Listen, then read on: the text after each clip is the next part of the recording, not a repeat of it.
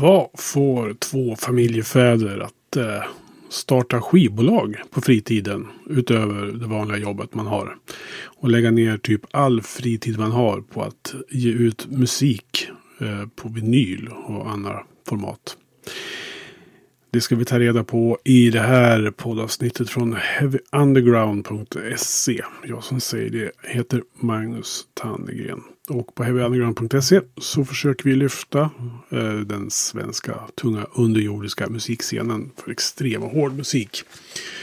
Och eh, vi försöker prata liksom med både band och musiker men även med folk runt omkring är målet med den här podcasten. Och med sajten heavyunderground.se. Och en eh, väldigt viktig del i eh, hela infrastrukturen kring den, den här musikscenen är naturligtvis skivbolagen som ger ut musiken. Och då pratar jag inte om de här stora drakarna som eh, erbjuder internationella miljonkontrakt. Eller vad man ska säga. Nej, det gör man inte nu för tiden. Men eh, ni fattar vad jag menar. Nej, jag pratar om de här små skivbolagen. Så som Majestic Mountain Records och Suicide Records från Stockholm respektive Göteborg. Och Marco Berg som äger och driver Majestic Mountain Records ska vi strax prata med. Eh, tillsammans med Roger Andersson som är boss på Suicide. Det är ett timslångt samtal eh, mellan oss tre där vi eh, lyfter allt som har att göra med hur man driver skivbolag, hur man kommer på idén, vad man ger ut för någonting, vad man lyssnar efter, vad man har för drömmar och vad man har för eh, tips till band som skulle vilja ha ett skivkontrakt. Kanske med någon av de här två, vad vet jag. Men ni får i alla fall några handfasta tips om vad ni ska tänka på då om ni spelar i band där ute. Vi ska också plugga för uh, Suicide Records 15-årsfest som äger rum 15-16 oktober i Göteborg. Det ska vi prata lite om här i samtalet som kommer. Men uh, gå in på Suicide Records sociala medier så hittar ni mer information om det. Nu ska jag inte sitta här och babbla så mycket mer. Utan jag ska släppa lös det här samtalet som var väldigt trevligt. Och jag var glad flera dagar efteråt. Och ännu gladare efter jag hade klippt det. För att det var kul att lyssna på eh, mellan mig, Marco Berg från Majestic Mountain Records och Roger Andersson från Suicide Records. Håll till godo.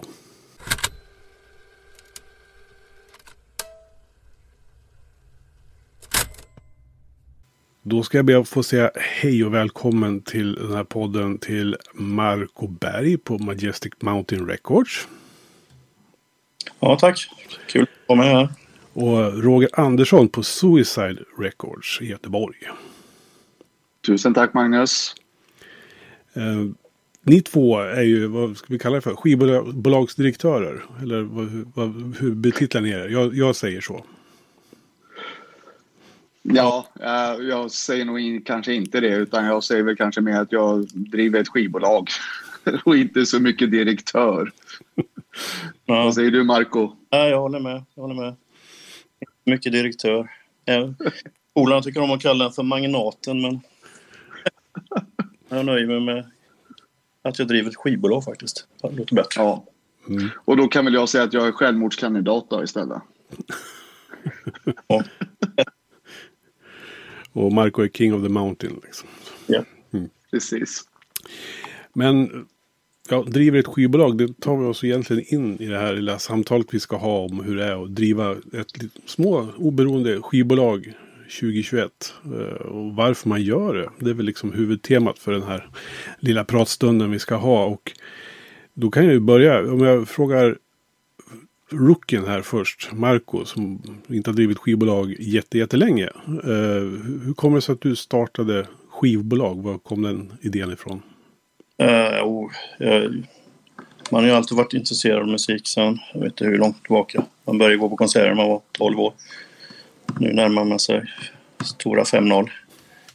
Men uh, sen har det blivit vinylsamlad kommit tillbaka sen. Intresset runt musik och vinyler. Det kändes att det fanns en plats för kvalitetsvinyl in i branschen, kände jag. Det är något jag kunde bidra med. Så på den vägen är det. Sen har det ju växt. När var det du startade skivbolaget förresten? Bara för, att få tidslinjen rätt här. Uh, 2019 eh, mm. sjösatte egentligen. Just det. Sen har det, kan man bara köra på. Ja. Och du då Roger, du firar ju faktiskt 15-årsjubileum i år.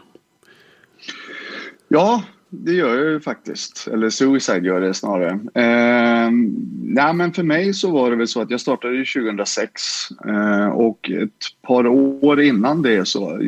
Jag är samma som Marco, liksom, musiken har alltid varit väldigt närvarande och väldigt viktig för mig. Men eh, några år före 2006 där så var jag faktiskt eh, inne på behandlingshem för ett ganska tungt missbruk och kände när jag kom ur det att jag behövde ha någonting väldigt positivt och liksom sysselsätta mig med och fokusera på.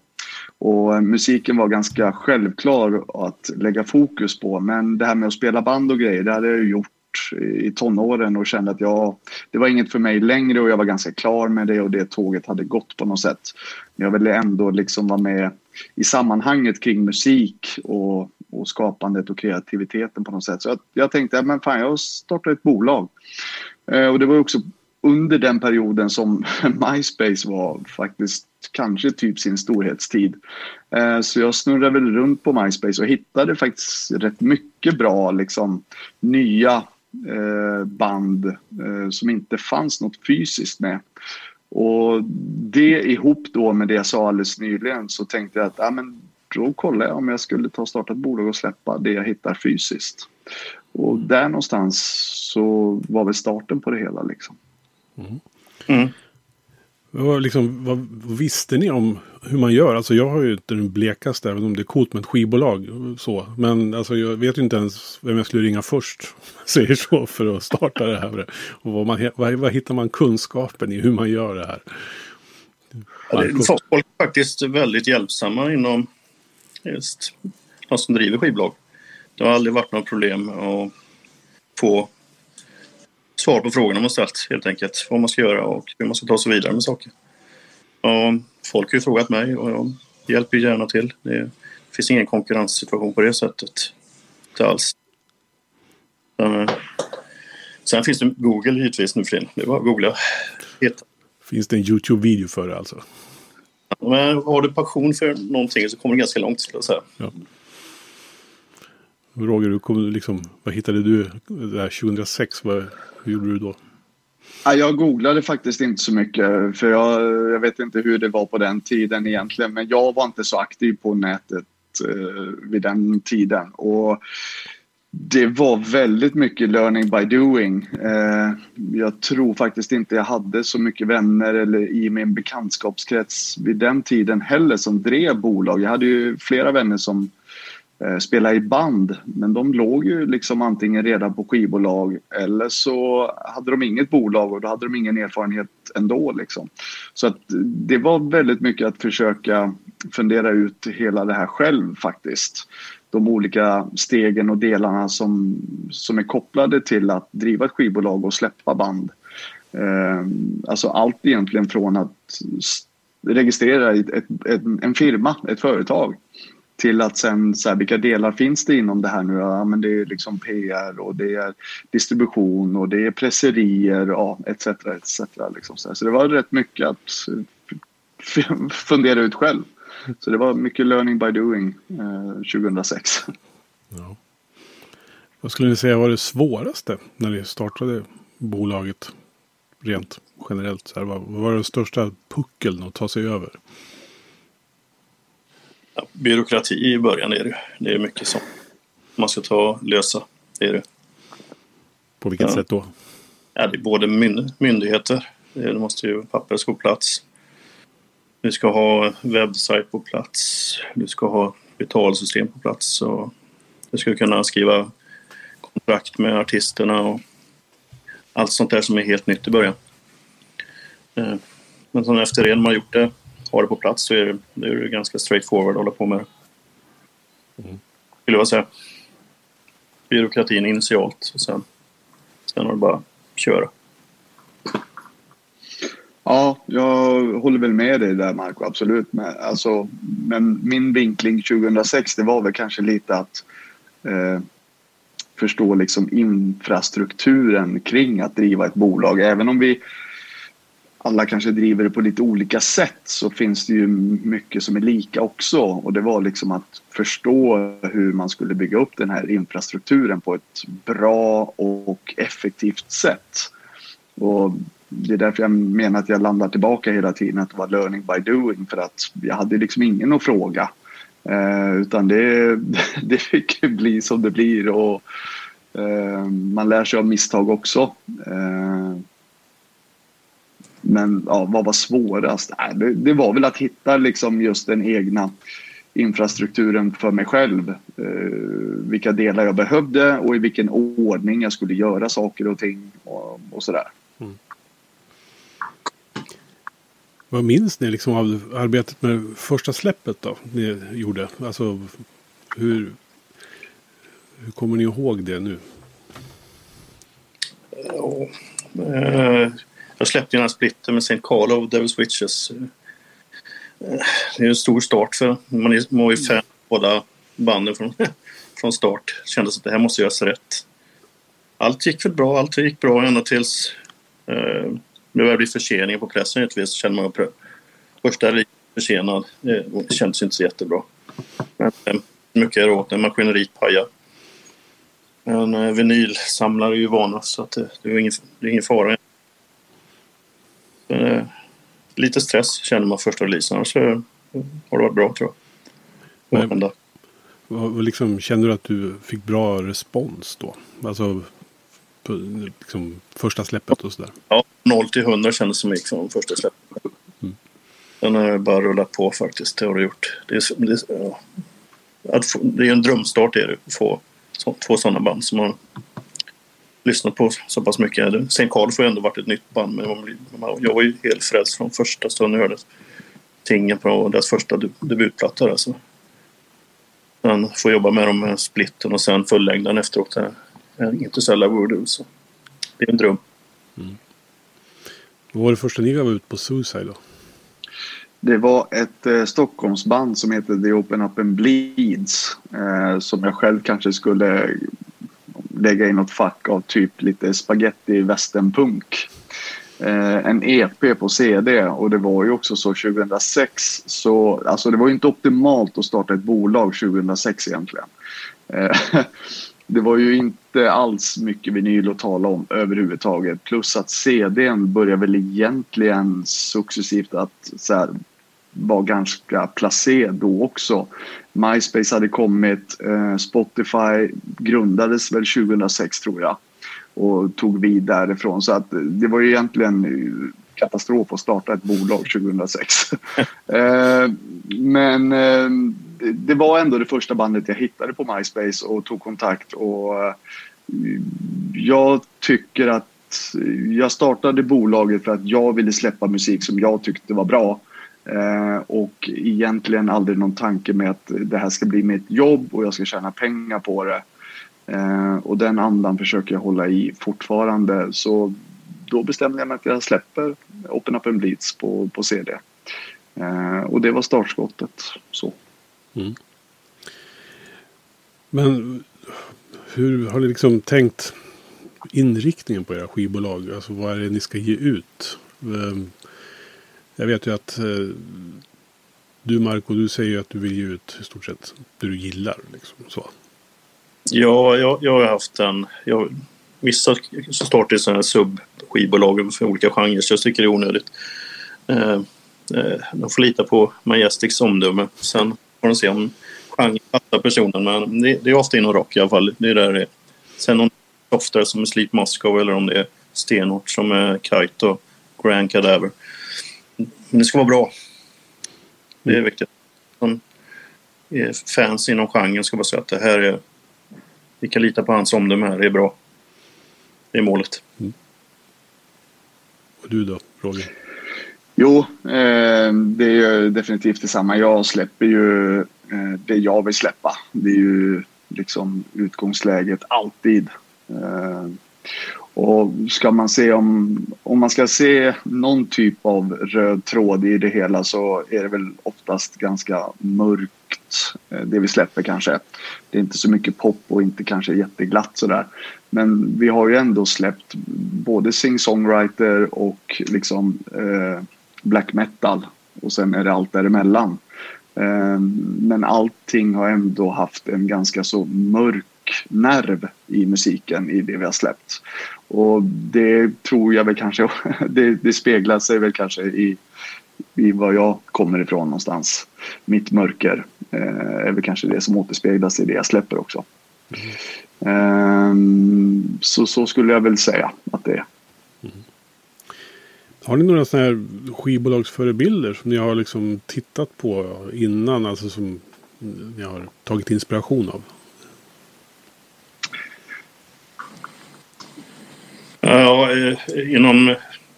Jag har kollat på bolag som eh, släpper in samma genre. Då är det ju Cursed Tongue Records och THU Records. Eh, de som producerar kvalitetsvinylprodukter. Inte snåla på de här detaljerna. Eh, man behöver inte... Man kanske inte behöver bre på med allt hela tiden. Men man kanske inte får snåla på allt heller. Köper man från Majestic så ska det vara en premiumprodukt. Så, så, så tänker jag. Uh, nej, jag, jag har nog inte någon direkt uh, annan label som jag ser upp till eller som jag inspireras av. utan det är väl snarare kanske något typ av mindset som andra eh, uh, independent-bolag har. Jag såg ju den här Blood, Sweat and Vinyl för ett gäng år sedan. Och eh, där bland annat då Electric eh, vad heter de? Hydrahead, så heter de. Inte Electric, nu tänkte jag på Electric Hydra. Hydrahead. Eh, det är ju bland annat sångaren också ifrån Isis eh, som har startat och grundat det. Eh, det. det. inspirerar mig mycket, eh, det mindsetet som, som återspeglas där. Liksom. Eh, det är en förbannat bra dokumentär som jag starkt kan rekommendera att se om man är intresserad av just det med independentbolag och, och grunden till mycket av bra independent band och bolag. Sådär. Mm. Men hur hittar ni musiken ni vill ge ut då? Är liksom, eh, menar, jag lyssnar på extremt mycket musik när jag gör den här podden och när man liksom är generellt intresserad av musik. Men jag tänker, lyssnar ni aktivt efter, eller letar ni aktivt efter band? Eller är det så att ni blir kontaktade? Eller hur, hur, hur skaffar ni er liksom en, eh, en bandlista så att säga? Uh, ja, förr lyssnade väldigt mycket på musik. Det gjorde jag på ny musik, letade ny musik hela tiden. Uh, nu när skivbolaget har växt så är jag, jag hinner inte lyssna på samma sätt som jag gjorde tidigare. Det är därför Svempa hjälper till här nu och lyssnar in sig och kommer med tips och råd om vi ska gå vidare med band. Eh, sen har ju givetvis sista ordet där. Och sen får vi, vi får faktiskt ganska mycket ansökningar från band nu också. Många är ju ganska kända faktiskt, så det är kul. De börjar nå ut till Majestic och några av dem kommer ju släppas senare under året och nästa år. Coola releaser. Men eh, eh, man hinner inte lyssna på lika mycket musik som tidigare, det gör man inte tyvärr. Nej. Hur hittar du musiken Roger? Ja, men jag lyssnar på väldigt mycket musik. Jag lyssnar på musik definitivt varenda dag. Det är ju liksom från att man går till jobbet och hem från jobbet och sen så lyssnar man även när man sitter på jobbet och så, så jag lyssnar på musik eh, väldigt mycket varje dag. Men det gör jag för min egen skull. Det är inte för att leta ny musik att släppa på bolaget. Utan jag skulle... Jag har fått den frågan tidigare, en liknande fråga och jag tror att Varenda släpp vi har gjort har varit band som har kontaktat oss. Jag har inte letat eh, och sökt upp band för att vilja släppa dem. Utan det är band som har kontaktat oss. Och det, jag är jättenöjd med att ha det på det sättet. Ehm, för jag, jag vill inte ha liksom ett mål egentligen med att släppa musik utan jag vill att det ska komma av sig självt på något sätt om ni förstår vad jag menar. Och det tycker jag att det gör bäst om, om jag hittar något som är skickat till mig och kan plocka guldkornen därifrån i så fall. Så att eh, jag är svinnöjd att ha det på det sättet som jag har det. Mm.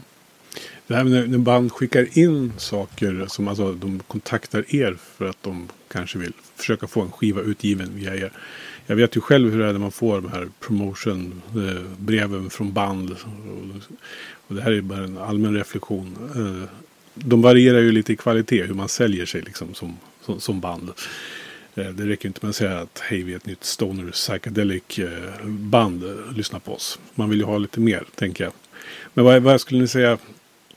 Vad har ni för tips liksom till band som skickar in sina intresseanmälningar? Eh, hur de ska liksom väcka er uppmärksamhet och få in en krok liksom sådär. Eh, ansträng er. Skicka eh, via direct message på Instagram eller sociala medier. Det är inte rätt, rätt väg att gå. Vi, vi Majestic har ju en artist submission på min våran Big Cartel som man kan använda.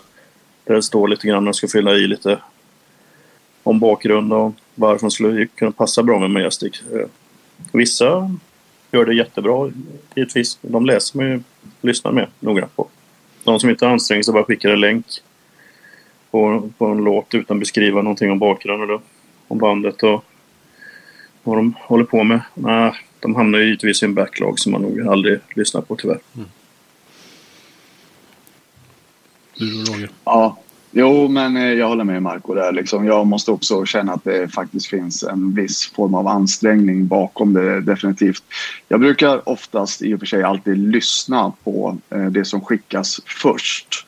Eh, för att i slutändan så kommer det ändå alltid bli att det är musiken som får tala för sig. Så att jag brukar alltid börja med att lyssna på det eh, och det går rätt fort eh, att och upptäcka, alltså och se om, om det händer något i mig. Att jag går igång, att jag känner att det här är intressant, det här gillar jag. Det, nu, nu lyssnar jag vidare. Liksom. Det, vi pratar nog i alla fall en, inom 30 sekunder så då tror jag nog att jag känner att det här, kommer, det här är inte intressant, jag lyssnar inte mer eller jag lyssnar vidare. Därefter så kollar jag ju på liksom presskittet om de nu har skickat något sånt överhuvudtaget och där måste jag känna att det faktiskt finns ett engagemang. Att de har lagt ner lite tid och engagemang bakom det. Och det jag då i sådana fall riktigt nappar på det är ju band som liksom kan presentera någon form av kanske konceptidé kring hela släppet. Att vi har den här EPn eller det här albumet. Det handlar om temat kring EPn eller albumet är det här. Eh, vi har eh, kanske någon turné eller vi har lite gig inplanerade. Vi kommer att göra musikvideo med, eh, alltså det finns en helhet eh, ihop med hela, det presenteras en helhet helt enkelt. Eh, det, det, betyder mycket för mig när jag kollar på det som skickas till oss. Så. Men när ni hittar ett band då, alltså hur, hur jobbar ni med dem? Eh, rent så här, den, den kontraktet är påskrivet så att säga. Vad, hur, hur ser era processer ut eller vad man ska kalla det för när ni har dem hos er? Ja, det, det beror lite på vilken, vilken stadie de är egentligen. Eh, vissa är lite etablerade och vissa har ju, har ju en demo bara. Då ska de in i studion och spela in. Man sätter upp en liten plan om artwork som och jobbar vidare. Så att säga. Man har en, liten pre, en preliminär plan. Nu är det lite svårare med allt sånt där när vinylproduktionen tar ju så lång tid. Eh, över ett halvår nu minst. Så planeringen blir ju efter det också. Men ofta är det så att man, man väntar på ett band sex månader och så får man allt klart. Och då, ska, då vill de helst att releasen ska vara två veckor senare. Men, jag vet, det går ju det går inte riktigt så. Utan det är planera. Sen planera upp en, planera upp en PR-plan också. Hur, hur den ska lanseras. Eh, det finns så otroligt mycket musik där ute så att man måste ju komma igenom bruset. Få folk att lyssna och sprida vidare musiken. Det är nog enda sättet för banden att växa. Förutom bra musik då. Mm. Det är väl grunden. Jo, precis. Eh, när jag väl får något bra presskit skickat med bra musik och då blir det ju nästa steg att höra av sig till dem och ta något typ av mailmöte eller Skype-möte eller något liknande för att höra liksom vad, vad tanken och målet är med eh, deras musik, vad de har för visioner framåt och se liksom om jag kan möta det och, och tvärtom att det de vill att jag tycker att det känns realistiskt och helt okej okay och sådär. Och sen som Marco var inne på så är det ju att bygga liksom en, eh, en projektplan framåt egentligen med både då tidslinjer vad det gäller PR-arbetet, albumrelease, pre-orders och liksom allt det där som innefattar ett släpp. Um, och ofta så är band ganska så naiva. Uh, och det kanske har, jag vet inte, med lite okunskap att göra och sådär i och med att i alla fall Suicide många gånger släpper kanske bands första skivor. Eh, de har inte släppt någon skiva innan så att de kanske inte har så mycket erfarenhet och, och sådär kring det utan eh, de har spelat in, de har fått en glasmaster och är färdiga och då tror de så här, men fan vad gött, då har vi release om en månad. Nej, det har vi inte. Eh, sådär. Men det är kul, det är kul att vara med på, på den resan tillsammans liksom. Man lär sig av varandra. Och så. Mm. Så jag måste ju säga, både, både ni båda har ju liksom på något sätt lyckats ändå skaffa en rätt hyfsat bra image för era respektive skivbolag. Alltså när man ser, jag ser det ju från, liksom som en betraktare utifrån. Det blir liksom en, eh, vad man säga, rätt familjära liksom, stämningar i era framtoningar tycker jag. Man ser att det är Majestic-familjen och man ser att det är Suicide-familjen. Eh, vad har ni för tankar kring det? Hur man, liksom, hur man bygger en sån känsla kring ett skivbolag? Ja, och passion för det man håller på med helt enkelt. Det, eh, alla band är lika viktiga på Majestic, Det spelar ingen roll. Man måste ju lägga ner lika mycket tid. Se till hjälpa dem om det är något de undrar över. Pusha dem på sociala medier. Och sen för att bli ödmjuk. alltid, jag, jag svarar alltid. alltid kunden har ju alltid rätt. Så kund klagar på någon vinyl såklart. Det tar ju tid att svara på alla mejl men om vi skickar till ersättningsex all, alla de här smågrejerna tillsammans gör nog att de tycker att Majestic är ett ganska trevligt bolag som bryr sig om både band och vinylköpare. Mm. Och det, jag vill gärna behålla den, just den känslan för Majestic. Inte bli någon som inte bryr sig om köparna och lyssnarna. Utan alltid vara där och kommentera på sociala medier och jobba med banden framåt. Mm. Det är min grej. Jo, men det har varit viktigt sedan dag ett för mig också att eh, försöka skapa, alltså det har varit min tanke från början att jag vill skapa en scen inom scenen på något sätt om man säger så. Alltså eh, skapa en atmosfär eh, där jag själv hade velat varit delaktig i eh, om jag nu inte hade drivit bolaget. Och jag är också rätt noga med när jag väl signar ett band att det är den här liksom lite filosofin eh, och atmosfären jag vill att alla banden ska vara med och bidra till. Eh, och tänka på att ert släpp och de pengar som kommer in på det, det hjälper till att jag kan göra nästa släpp och så vidare och så vidare. Så på så sätt så är alla inom Suicide kollektivt med och hjälper Suicide att gå vidare framåt och kan göra nya släpp hela tiden. Eh, och det är jag rätt noga med att faktiskt nämna så att man också förstår i vilket sammanhang och i vilket bolag man kliver in i. Eh, och det är viktigt för mig. Mm. När ni ser på varandra då? Jag tänker, nu sitter vi här. Eh, öga mot öga. vad, ja. vad, vad, har ni för tankar om varandra? Liksom vad, om ni får eh, er bild av er? Ja, Roger är en skitstövel egentligen. Men... Nej. Träffades i helgen här som vanligt. Umgås jättetrevligt. Suicide föredöme man driver ett skivbolag för mig. När man jobbar. Mm. Fantastiska band på ett bolag.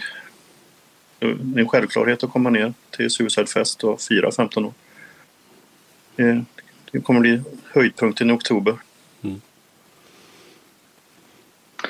Ja, tack Marco, det är superfint och det är verkligen ömsesidigt. Ehm, jag känner att vi har en eh, stor respekt för varandra och vi supportar varandra och vi diggar det, det mm, varandra gör. Liksom sådär. Ehm, och jag vill nog minnas att Marco redan innan du startade Majestic liksom eh, var med och supportade Suicide och, och liksom delade saker. Vi släppte och köpte grejer och sådär. Så du var liksom du var på redan innan du själv startade Majestic. Ehm, jag tycker att vi samtidigt är ganska lika samtidigt som vi är väldigt olika. Eh, och det kan jag tycka är någonting bra. Ehm, jag tycker att vi har liksom nerven i det vi gör, eh, den är ganska stark men den skiljer sig och det, det är bara bra. Alltså olikheter är bra. Ehm, men sen är vi någonstans säkert samma skrot och korn, både jag och Marco. Och jag tror att det är det som är nerven i våra bolag. Jag vet inte om det är rätt flummigt uttryckt men det är så jag ser på det i alla fall. Mm. Har du någon kommentar? Vad säger du Marco? jag håller med. Jag håller med. Det, det, ja, vi, vi har samma sätt att jobba och se på saker. Har vi. Mm. Det finns ingen konkurrens på det sättet. Vi, vi stöttar varandra 100 procent. Ja, du nämnde ju det förut att det liksom har varit en bra support när du startade skivbolaget Marco. Att liksom, fått mycket hjälp av andra. Sådär. Mm. Så är det. Och sen som Roger sa, jag köpte givetvis. Jag har alltid köpt grejer från Suicide. Det är ju bra grejer. Eh, sånt där, sånt där kommer ju tillbaka sen. Eh, man mm. tror på karma. Mm. Vi får väl se när vi hittar vår gemensamma nämnare sen, Marco. Ja, vi får leta vidare. Ja. Ja. Det är klart att det här är en svår fråga att svara upp på. Men man kanske inte ska sätta ett fram, någonting framför ett annat här. Men finns det något av era släpp hittills som ni är liksom mer stolta över att ni har lyckats få till? Än, liksom, som ni liksom kan säga att det här är liksom det som gjorde, gjorde mig mest nöjd hittills. Liksom. Oh, det finns ju flera. Det är jättesvårt att... Ja, jag förstår det. Det var det som var meningen med frågan. det är inte så många skivbolag som skulle släppa en, en låt på 40 minuter på en, på en platta sådär. Men jag, jag var ju såld från första minut jag hörde St. Carlo, eh, demon och halva låten. Så ja, den, bandet trodde jättemycket på den låten. Och 40 minuter. Det var på det spåret. Det är ju inte radiovänligt på det sättet. Sen är ju Grand Cadaver är ju också kul. Sen Electric Hydra är ju, är ju fantastiska. Väldigt, väldigt drivna människor. Jag kan, bara, jag kan nästan räkna upp alla band på skiv. Jag tänkte jag säga det här. Du illustrerade ganska bra hur svårt det var att svara på frågan här. Jag lämnar över stafettpinnen till Roger tror jag istället. Ja, nej, men eh, jag känner att det är lite som att säga så här, vilket barn tycker du bäst om? vilket barn älskar du mest? Det är liksom, eh, och jag förstår ju att frågan är, är tänkt att vara lite svår att svara på. Eh, och jag, jag kommer inte kunna svara på den på det sättet. Däremot så finns det ju några släpp som Suicide har gjort som kanske skiljer sig ifrån vanliga eller mer traditionella bandsläpp. Eh, dels så tänker jag på Dödsvarg som är ett enmansprojekt med eh, Jon Ekström eh, som var väldigt, väldigt roligt att göra och det gjorde vi väldigt tidigt. Eh, som sen har liksom utvecklats och levt sitt eget liv och Jon är ju superkreativ. Eh, så det, det är ett roligt projekt att ha jobbat med. Eh, Nova Rupta är lite samma sak med Alex där. Ehm, det är ju också egentligen bara Alex som gör eh, Nova på ett sätt. Men också då tar in massa gästmusiker och så. Och det är också väldigt spännande för man vet aldrig vart det tar vägen. Ehm, kontra då kanske ett mer traditionellt band som lirar in en platta ihop och man är fyra, fem pers och så. Det, det, är lite mer att man vet vad man kan förvänta sig på ett sätt. Och det, det vet man aldrig med varken Alex eller med Nova Rupta. Eh, men sen som, som Marco säger, liksom, vi har ändå gjort ett gängsläpp eh, på Suicide och alla är jag väldigt, väldigt nöjd och stolt över. Mm. Vad har ni kvar att göra då? Vad har ni någon sån här drömgrejer liksom, som ni skulle vilja göra som skivbolag? Det kanske är svårt att svara på den frågan också om man inte vet vilket band det skulle vara. Men eh, jag tänker, finns det något? Jag vill få till en Majestic Fest eh, som Roger har. Min blev inställd. Coronan bröt ut samma vecka som skulle haft min. Eh, för ett och ett halvt år sedan. Just det. I samma vecka var dålig timing kan man säga. Men eh, ja, det är väl det jag känner att jag skulle vilja göra. Jag får ja, givetvis fortsätta släppa kvalitetssläpp också men det som skiljer sig från vanligt musiksläpp då. Göra någon sån där grej större. Nu får vi se om det blir av nu. Nu är det väl allt fullbokat här flera år framöver. Just det, det tsunamin som kommer efter den. Liksom, nu här. Det är spelningar varje dag tror jag nästan. Så, eh, års... Du då Roger, om du bortser från det vi... Vi ska återkomma till din fest här så småningom. Men Ja, nej men jag, precis som du själv sa där Magnus, liksom så att det, det, finns väl egentligen inga drömsläpp eller drömband jag vill signa för det är inte så jag liksom tänker eller jobbar med Suicide överhuvudtaget utan eh, det är mer det roliga och det, det ny, nyfikenheten med det som ramlar in och upptäcka något som jag inte hade en aning om och så är det så in i helvete bra och så får jag möjlighet att släppa det. Det är det som är roligt och det är det som driver mig och Suicide framåt. Eh, men om jag ska fundera på liksom något som jag ändå skulle vilja sikta på så eh, Nej, men då får jag väl säga så här. Jag och Marco vi har pratat om att vi skulle vilja hitta något gemensamt att faktiskt göra tillsammans. Det, det hade varit kul för att jag har kört mitt race eh, snart 15 år nu då. Eh, så det, det vore kul att göra någonting annat och vi har pratat om att, att titta på möjlighet att göra kanske något ihop. Eh, och det hade varit nytt och lite spännande att se vad det blir. Liksom, så, mm. så jag får väl säga det. Mm. Vad har ni liksom nu då? Nu får ni chansen här att marknadsföra lite kommande släpp. Ehm, det är ju så det funkar här. Vi ska ju promota den tunga underjorden liksom. Vi har ju två eh, tunga aktörer i branschen. Ehm, vad har ni i röret som kommer de närmaste månaderna eller fram till årsskiftet här? Ja, fempipigt rör tror jag. Nej, men jag, jag har ju för, förutsåg lite grann om att det skulle ta lång tid att producera vinyl så jag vi gjorde en del beställningar på släpp som kommer nu då i september, oktober, november. Eh, Grand Cadaver har vi, deras fullängdare. Eh, EPn kom ju tidigare i år så att det blir ett magiskt dödsmetallår för dem. Den kommer ju 29 oktober kommer den plattan och den är, den är fet. Det är den. Kite, norskt noiseband. Något som Roger skulle kunna signa bra för att det är hans genre också. Mm. Stoner med Redscale från Berlin. Skitbra. Om man gillar Clutch, som man gör. Sen har vi vad heter de? Bogwife om man gillar Paul Bear och Kem, Kem så lite modernare Doom. Eh, skitbra platta. Den kommer nästa fredag faktiskt på digitalt men på vinyl i november faktiskt. Lite förseningar på den. Det, det är väl det vi har i pipen för tillfället. Det, det är inte utannonserat än så jag kan inte säga det men vi får vänta nu eh, en vecka till där. En, en feting-dooming till i, på gång ut. Alla är, ju, alla är ju produktion också så att eh, det är inte så att man sätter en pre-order nu och så får folk vänta i sju månader på att grejen ska komma utan de ligger ju där i någon rimlig tid, en till två månader.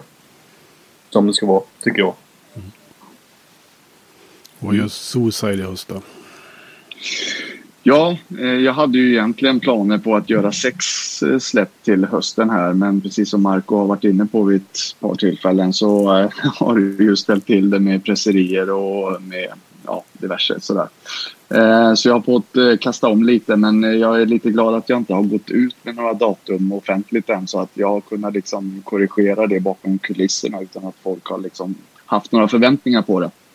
Eh, så först ut kommer bli eh, Noor som är ett israeliskt sludgeband. Vi släppte deras första EP för två år sedan och det här är deras andra EP. Eh, riktigt jävla smutsigt och mörkt och hårt. Eh, lite åt Neurosis-hållet eh, skulle jag ändå vilja säga. Och det tror jag faktiskt blev nu så att det landade på 15 oktober. Samma dag som vi har eh, 15-årskalaset där. Sen efter det så har vi Knivad. Eh, och det var också en sån där som kom in från sidan. Jag hade egentligen eh, gjort upp min releaseplan för hösten och var, kände att ah, men det här är det det får bli. Eh, nu kör jag på det här och jag är klar med det. Och så kom det här jävla mejlet och så lyssnade jag på låtarna och bara, nej fy fan det här är ju för bra. Fan, nu måste vi ta det här också. Så Knivad kommer med en fullängdare i 29, 29 oktober kommer det. Sen så efter det så blir det nog eh, Nova Ruptas tredje album, Marine, äh, äh, Carrier Movements. Äh, Alex kör ju på de olika, äh, vad heter det? Elementen. Elementen, tack precis. Och detta är då luft som kommer. Och den kommer nog att bli någonstans i mars, skulle jag gissa på. Sen efter det så kommer Orochen med deras fullängdare. Vi släppte ju deras EP eh, förra året. Och nu kommer fullängdan. Och den kommer komma i april. Sen efter det så har vi V. Deras tredje album eh, som vi släpper. Där har vi inget datum satt än. Eh, de håller fortfarande på med de sista detaljerna för mastern så att vi har inte skickat iväg det på pressen. Så därför säger jag inget datum. Och sen efter det så blir det nog eh, Blodskams andra eh, album. Eh, riktigt jävla bra black metal. Det låter ju fantastiskt bra allt det här. Eh, följdfrågan på det här är ju då hur, hur många timmar per dygn tänker ni på era skivbolag? Jag vet ju att ni båda har andra jobb att sköta också och familjer. Eh, hur, hur balanserar ni det här? Frågar man ju då lite nyfiket. En, man gör det bästa för att koppla bort på kvällarna men det är inte så lätt alltid. Det är inte. Man vill ju vara tillgänglig för band som frågar och sådär. Det vill man ju. Eh, men frugan bär, hon har ju sagt att du kanske ska varva ner på helgen i alla fall och det håller jag med om givetvis. Det, det Men eh, man, man tänker musik, tänker releaser, tänker framtid. Man gör det. Det går inte att förneka. Det är det som är roligt. Ja. Jobba med musik och skivbolaget. Mm. Ja, jag håller med Marco. Det, det, går liksom inte att slå bort det och sådär. Och jag, jag brukar vilja likna det med att personer som spelar, har spelat i band länge och liksom så där, de tänker ju på sina band eh, och musik säkert mer eller mindre hela tiden och det blir lite samma sak med, med bolaget att tänka på samma sätt. Man tänker releaser, man tänker PR, man tänker ja, snart kommer den singeln, ja just fan ja, och så, och sådär. Så det är hela tiden det där. Men visst, både jag och Marco, vi har ju andra liksom egentligen heltidsjobb och vi har familjer och barn och allt det där. Men på något jävla sätt så går det att pussla ihop och jag och min fru, vi har pratat om det här och jag menar att jag får hålla på med bolaget, det ger ju mig positiv energi. Liksom. Skulle jag inte få hålla på med det här då, då blir jag rätt grinig och, och kinkig och tråkig liksom. Så det här är ju faktiskt någonting som, att jag får hålla på med det här, det gynnar även min familj. Eh, det är det jag vill säga. Mm. Och jag kan ju känna igen mig i det där. Men driva en podd är ju lite samma sak. Man har en liten, det är inte på samma kanske omfattande nivå. Men det är ändå en sån här liten flykt från den tråkiga verkligheten. Som man kan fly in i en timme så här på kvällen. Och låtsas vara eh, rockjournalist. Fast ni gör det ju på ett betydligt, en betydligt större skala måste jag ändå säga. Ah, det vet jag inte. Nej, nej, jag håller med Marco. Nej, det vet jag inte. Du lägger nog lika mycket tid som vi på det. Det uppskattas lika mycket. Ja, tack. Eh, ja, eh, ska vi avsluta och prata lite om eh, någonting vi alla ska gå på, tror jag. Speciellt eh, ja, Roger är ju självskriven, han är ju värd för det hela. Men Suicide Fest äger ju rum 15-16 oktober. Eh, vad kan du säga om det? Det är ju 15-årsfirande för skivbolaget. Eh, ja, det är det ju. Och eh, det började väl egentligen lite grann i slutet av förra året. Ehm, så insåg jag ju att eh, nästa år så, så fyller ju Suicide 15 år och då ville jag göra något. Men då var det ju rätt illa med den här pandemin och corona och sådär. Så att jag kände att det är bara att acceptera och liksom kapitulera. Det, det kommer inte hända. Så det är bara att skita i det. Liksom. Jag gjorde ju ett tioårskalas Ehm, när vi firade tio år och det var ju superkul och superlyckat. Och jag ville verkligen göra ett 15-årskalas men jag hade verkligen kapitulerat inför det. Sen någonstans i eh, februari tror jag det var i år så kände jag ändå någonstans här, nej men vad fan, det kanske är möjligt att göra någonting i alla fall efter sommaren. Eh, det hade då pratats om vaccin och de här sakerna. Så att, eh, ja, så som jag är så tänkte jag, ja, men jag, jag kollar vad jag kan få ihop. Så på tre veckor ungefär i februari så hade jag en full line-up där alla banden hade sagt ja. Jag hade redan en venue. Jag hade ett samarbete med ett hotell. Jag hade en teknikfirma som styr upp allt. Så på tre veckor så hade jag egentligen eh, det här kalaset som nu blir i oktober. Mm. så ja, eh, och det är ju då sju band, för jag har ju lagt till en akt. Eh, Fabian Brusk-Jan som faktiskt ska få öppna båda dagarna för jag tycker att är, han är bra och jag tycker att det är kul att visa lite bredd på vad det är vi faktiskt släpper. Eh, så det är ju sju akter från Suicide och sen är det fyra akter utöver det som jag bara tycker är jävligt bra. Varav två faktiskt är på Majestic. Två och en halv. två och en halv, ja just det. Ja. Så ja. vilka band är det då? Ska vi bara gå igenom line-upen? Ja, Har du den i huvudet? Ja, jag ska försöka. Eh, som jag sa, Fabian Brusk-Jan öppnar båda dagarna. Det här är ju dock inte spelordningen, men ja. Och sen så har vi Besvärjelsen. Och sen har vi Domkraft. Och sen har vi Electric Hydra. Och sen har vi Orochen. Och så har vi fredag den 13. Och så har vi V. Och så har vi Nova Rupta. Och Demonic Death Judge ifrån Finland. Eh, och så är det ju då Grand Cadaver också.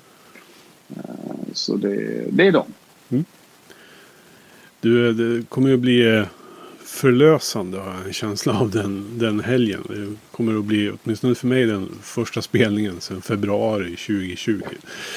Så att eh, jag, sa, jag har sagt det till mina vänner, om inte det här blir av då får de låsa in mig på någon psykakut. För att jag kommer att få ont i själen. Alltså.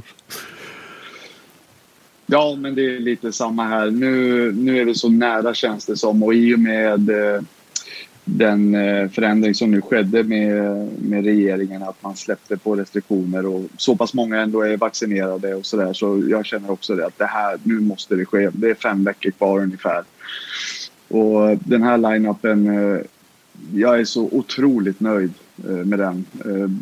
Det, det, finns en bredd i det, det finns en nerv i det. Jag tycker att det representerar liksom både vad Suicide står för men också vad jag gillar med underground-scenen på något sätt och även de personer som kommer att komma och köpa biljetter. Så det känns som en jävla stor familjefest på något sätt bara, eh, inklusive alla som har köpt biljetter.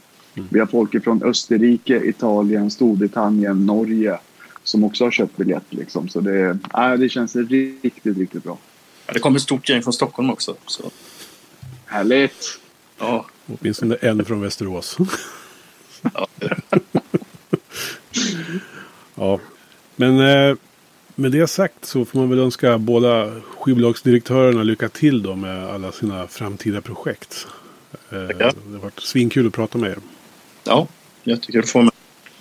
Tusen tack Magnus, verkligen. Det är roligt. Och du gör ett jävla bra jobb.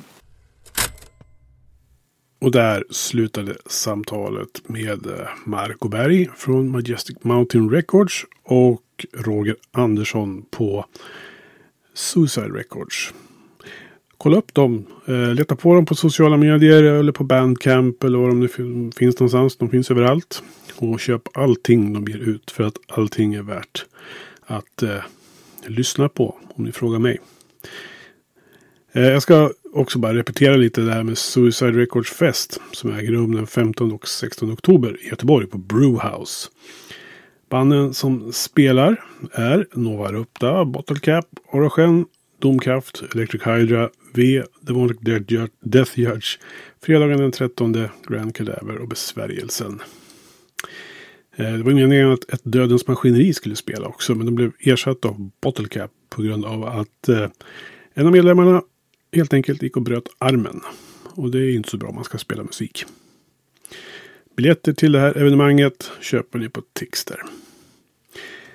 Med det så är det slut på den här podden för den här gången från heavyunderground.se. Eh, följ oss gärna på sociala medier. Leta efter Heavy Underground bara så hittar ni oss där. Eh, så får ni den totala upplevelsen med nyhetsuppdateringar nästan varje dag. Med recensioner och annat kul ni kan läsa. Med det säger jag, Magnus Tannegren. Tack och hej för Heavy Undergrounds podcast för nu. Adjö!